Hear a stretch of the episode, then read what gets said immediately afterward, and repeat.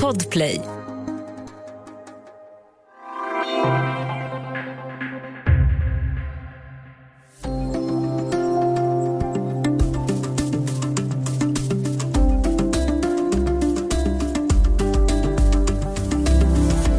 Att som ny i laget bli utsatt för kränkande och förnedrande behandling kan sätta spår för livet.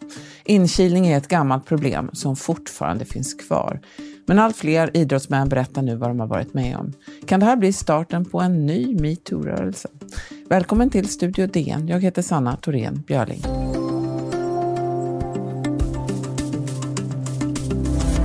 Jag kommer ihåg när jag ställde mig i duschen efteråt. Det var som att eh, jag kände inte min kropp.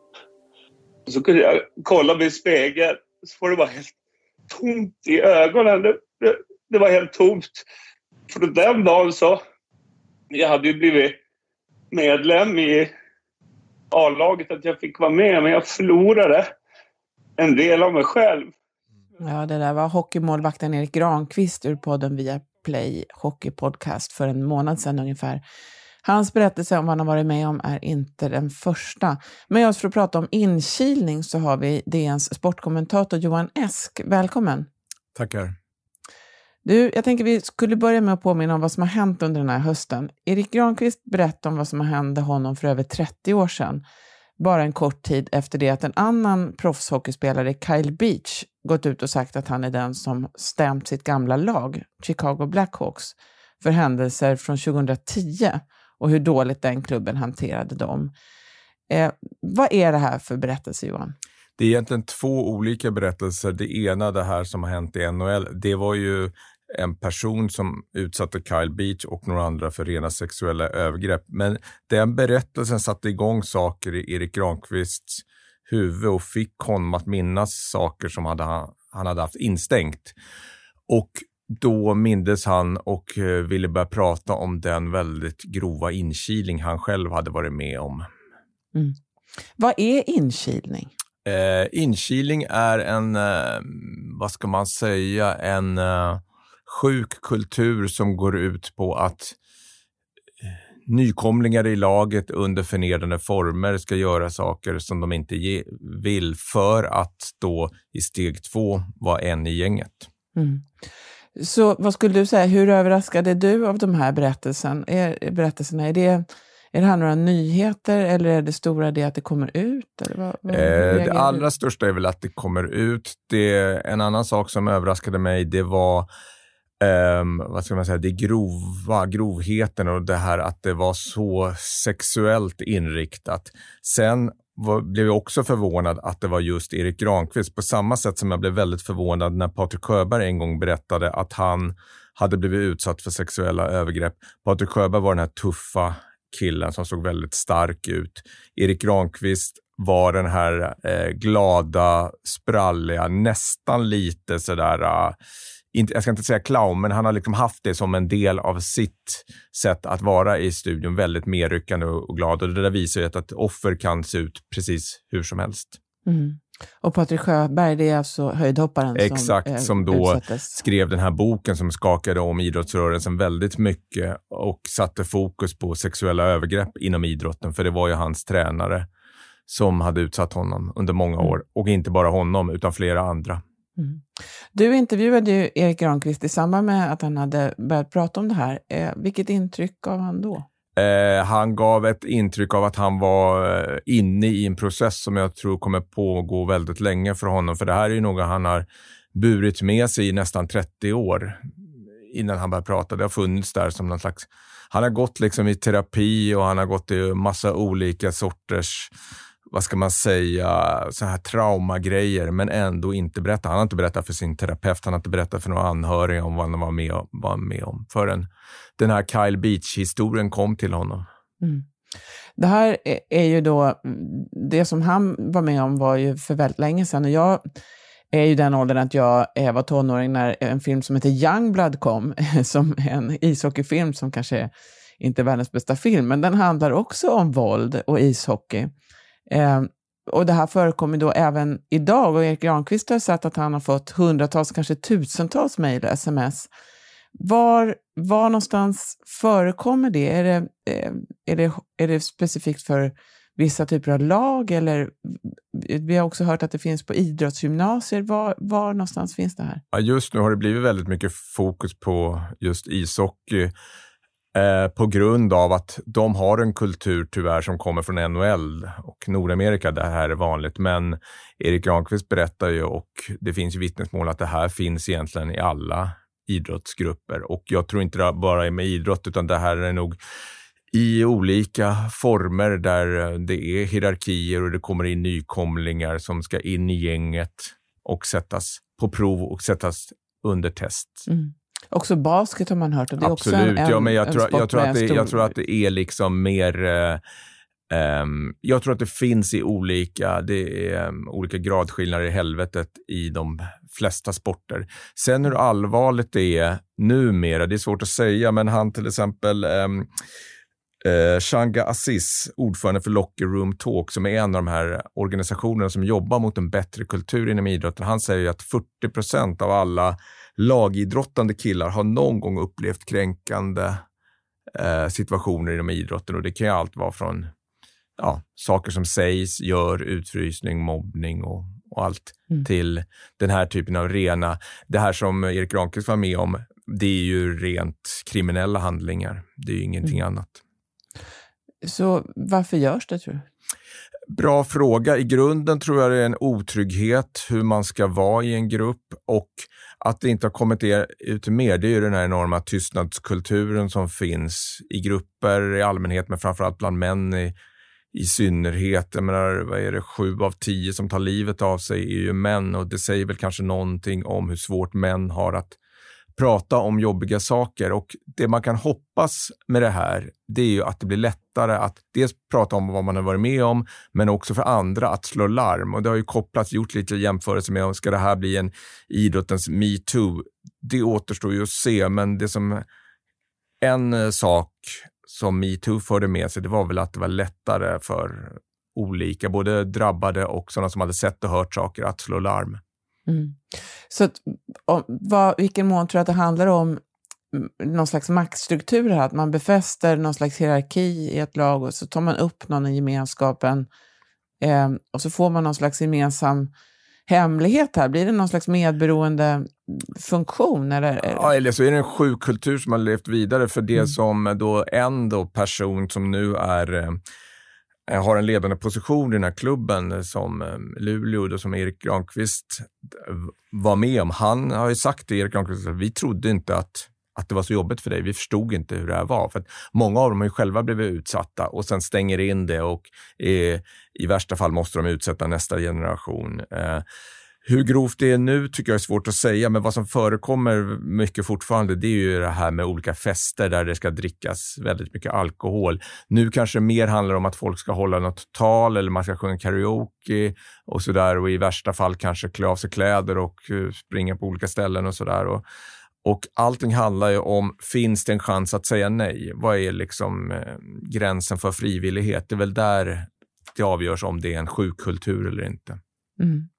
Hur stor är övervikten av killar här? Sker det här även inom damidrotten? Eh, bra fråga. Det finns ju eh, ett exempel som har varit ganska uppmärksammat nu under hösten. Det är ju hon, den här Australiens fotbollslegendar Lisa Devanna, eh, mångårig landslagsspelare i Australiens fotbollslag som har berättat om hur hon utsattes för två grova övergrepp. Eh, mm, och jag skulle bli förvånad om det- inte förekommer i damidrotten. Det kan ju vara så i värsta fall att tystnadskulturen är ännu större där.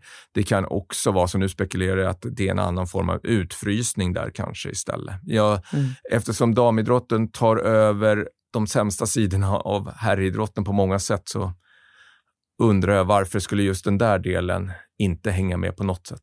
Mm. Du var ju inne på det lite, eh, men vilka, vilka kan konsekvenserna bli för den som blir utsatt då, på kort och lång sikt? Ja, det kan ju sätta spår för ett liv och jag ställde ju den, jag, jag sa till Erik Granqvist när jag träffade honom, vi satt ju i två och en halv timme, att ursäkta, en fråga som kanske kan verka väldigt naiv, men eftersom jag själv aldrig har blivit utsatt, så något som händer under 15 minuter, hur kan det påverka ett helt liv? Och då sa han, det var tre saker. Det ena var att just att de gick på könsorganet som ju är det mest intima man har. Det andra var känslan av att han var i en helt maktlös position. Det spelar ingen roll vad han gjorde. Därför intog han den här frozen eh, ja, reaktionen som många våldtäktsoffer har berättat om. Och det tredje var att han inte hade någon att prata med. För om han skulle till exempel prata med sina föräldrar om det, då skulle de antagligen gått till Luleå och frågat vad fan håller ni på med och så skulle han blivit fråntagen det han älskade mest, alltså att spela hockey. Mm. Vi ska ta en liten paus och sen ska vi prata mer om vad som görs och kanske inte görs för att övergrepp och kränkningar ska upphöra.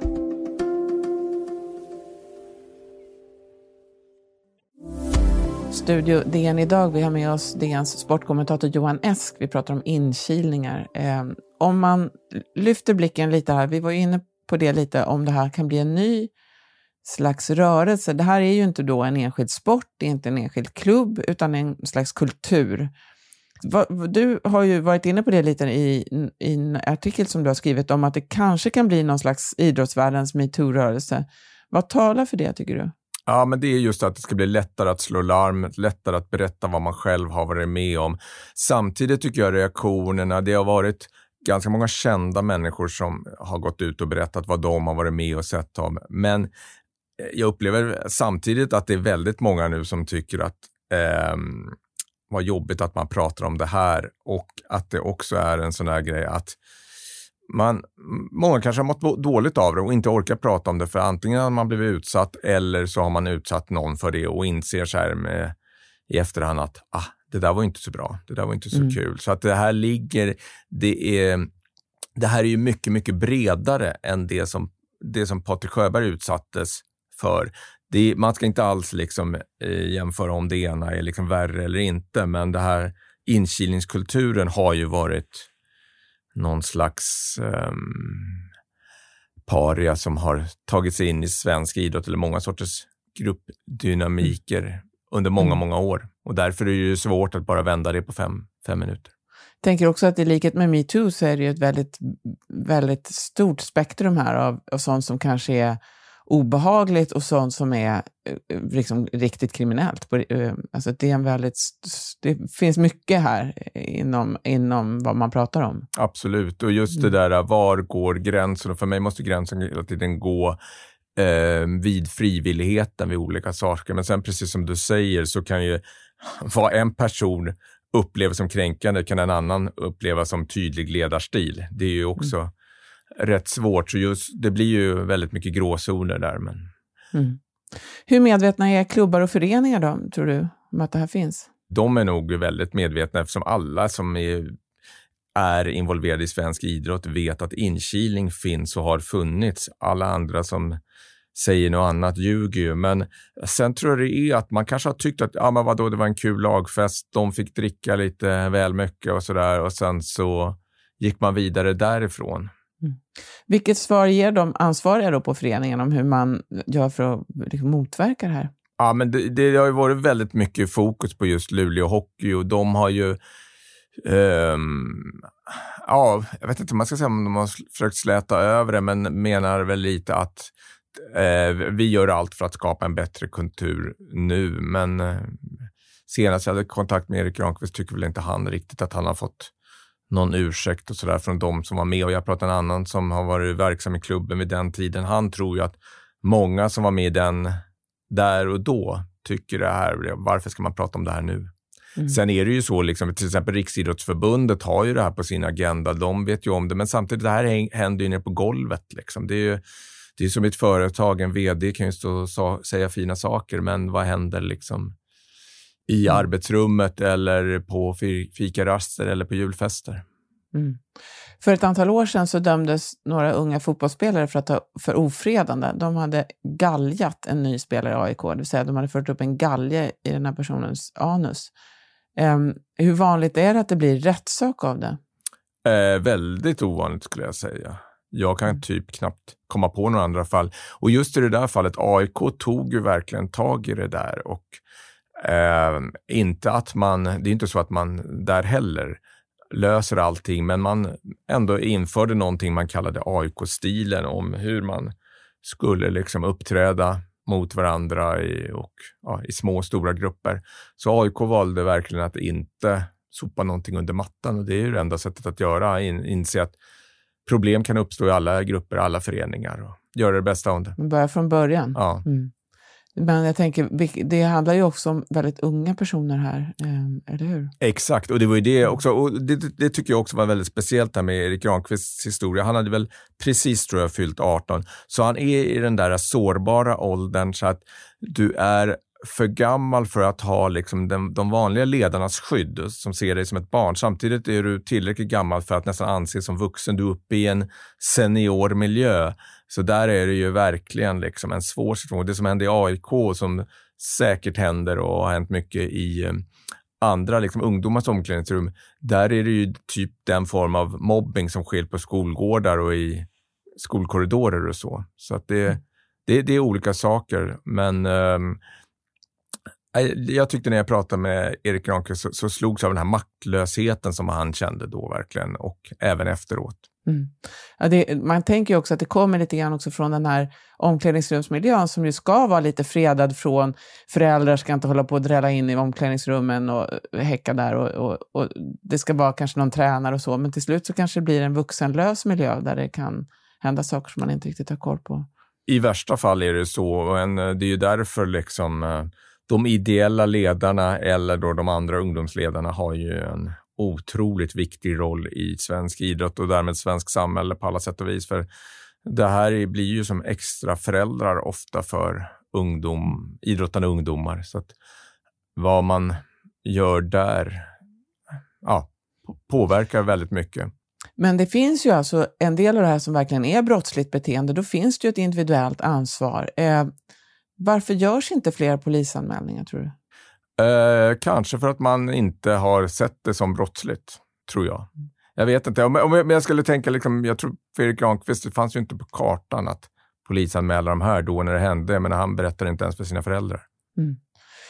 Va, vad tror du kommer att göras nu, både från centrala förbundens håll och även kanske Riksidrottsförbundet eller eh, internationellt? Det här är ju en, en, rörelse som inte alls bara rör, det rör ju många länder. Ja, eh, det åt, jag vet inte, det har inte hänt sådär jättemycket, efter, men bara det, liksom, att Erik Granqvist blir ju en väldigt stark symbol, precis samma sak som Patrik Sjöberg blir i en symbol, så det kommer vara omöjligt för olika idrottsledare eller förbund att säga sen att det här visste vi inte, det här har inte varit ett problem, utan alla måste ju eh, titta runt omkring och se, finns den här kulturen hos oss och vad kan vi i så fall göra det? Och eh, vi hade ju en intervju då i DN med eh, Hockeyförbundets generalsekreterare Stark, jag tappar tyvärr förnamnet på honom, men han pratar mycket om det. det. Det går ju ner ganska mycket på de olika föreningarna och sen går det ner på de enskilda lagen. Men liksom föreningarna, där är det viktigt att det sätts en, en miljö och en kultur vad som är mm. okej okay och vad som inte är okej. Okay. Vad skulle vi säga då lite avslutningsvis här? Vad, vad, vem ska en ung person som har utsatts vända sig till? Vad, vad kan man säga där? Ja, men det finns ju, det, det, det viktigaste är ju liksom att prata, tycker jag, med sina föräldrar i första hand och och det, eh, eller sina ledare om, man, om det är en lagspelare som gör något. Sen finns det ju organisationer, vi har pratat om Riksidrottsförbundet, på deras hemsida finns det information att få det här och sen så har vi på, på DN Sportredaktion, i de artiklar vi har skrivit om Erik Granqvist, så har vi också länkar till, det finns bland annat Locker Room Talk, alltså omklädningsrumssnack. Det är en organisation som jobbar för en bättre kultur. Det finns också Safe Sport alltså säker sport. Det, båda de här är ju då eh, organisationer som verkar i Sverige, så de kan man ju vända sig till bland annat om man har råkat ut för något. Mm. Och Riksidrottsförbundet, de har någon visselblåsar Ja, exakt. Funktion. Precis. Om man eh, liksom går in på deras hemsida eller söker på liksom visselblåsarfunktion så, så finns det där. Så att... mm. Vad kommer du själv att hålla utkik efter då framåt? Vad skulle du vilja se eller vad, vad, vad intresserar dig? Nej, men, eh, ja, men jag, jag hoppas ju bara liksom att att man ska höja ribban för vad som är eller sänka ribban naturligtvis, menar för vad som är okej. Okay. Även det här med alkohol, för det är väldigt mycket alkoholrelaterat när saker och ting spårar ur. Liksom. Att fundera på det där, liksom. för det är också en grej. Alkoholen och idrotten är tyvärr inkörts, eller idrotten är tyvärr inkörsport för många unga människor. Eh, håll koll på det där och sen så eh, ska man nog inte glömma bort det med drotten heller. För att är det verkligen så att den är helt problemfri? Det, eller är det så att det är ännu svårare att prata om det där? Mm. Stort tack för att du var med idag Johan. Tackar. Om du vill kontakta oss så går det bra att mejla till studiodn e. Kom också ihåg att prenumerera på Studio DN där du lyssnar på poddar så missar du inga avsnitt. Studio DN görs för Podplay av producent Sabina Marmelaka, ljudtekniker Patrik Miesenberger och teknik Oliver Bergman, Bauer Media. Jag heter Sanna Thorén Björling.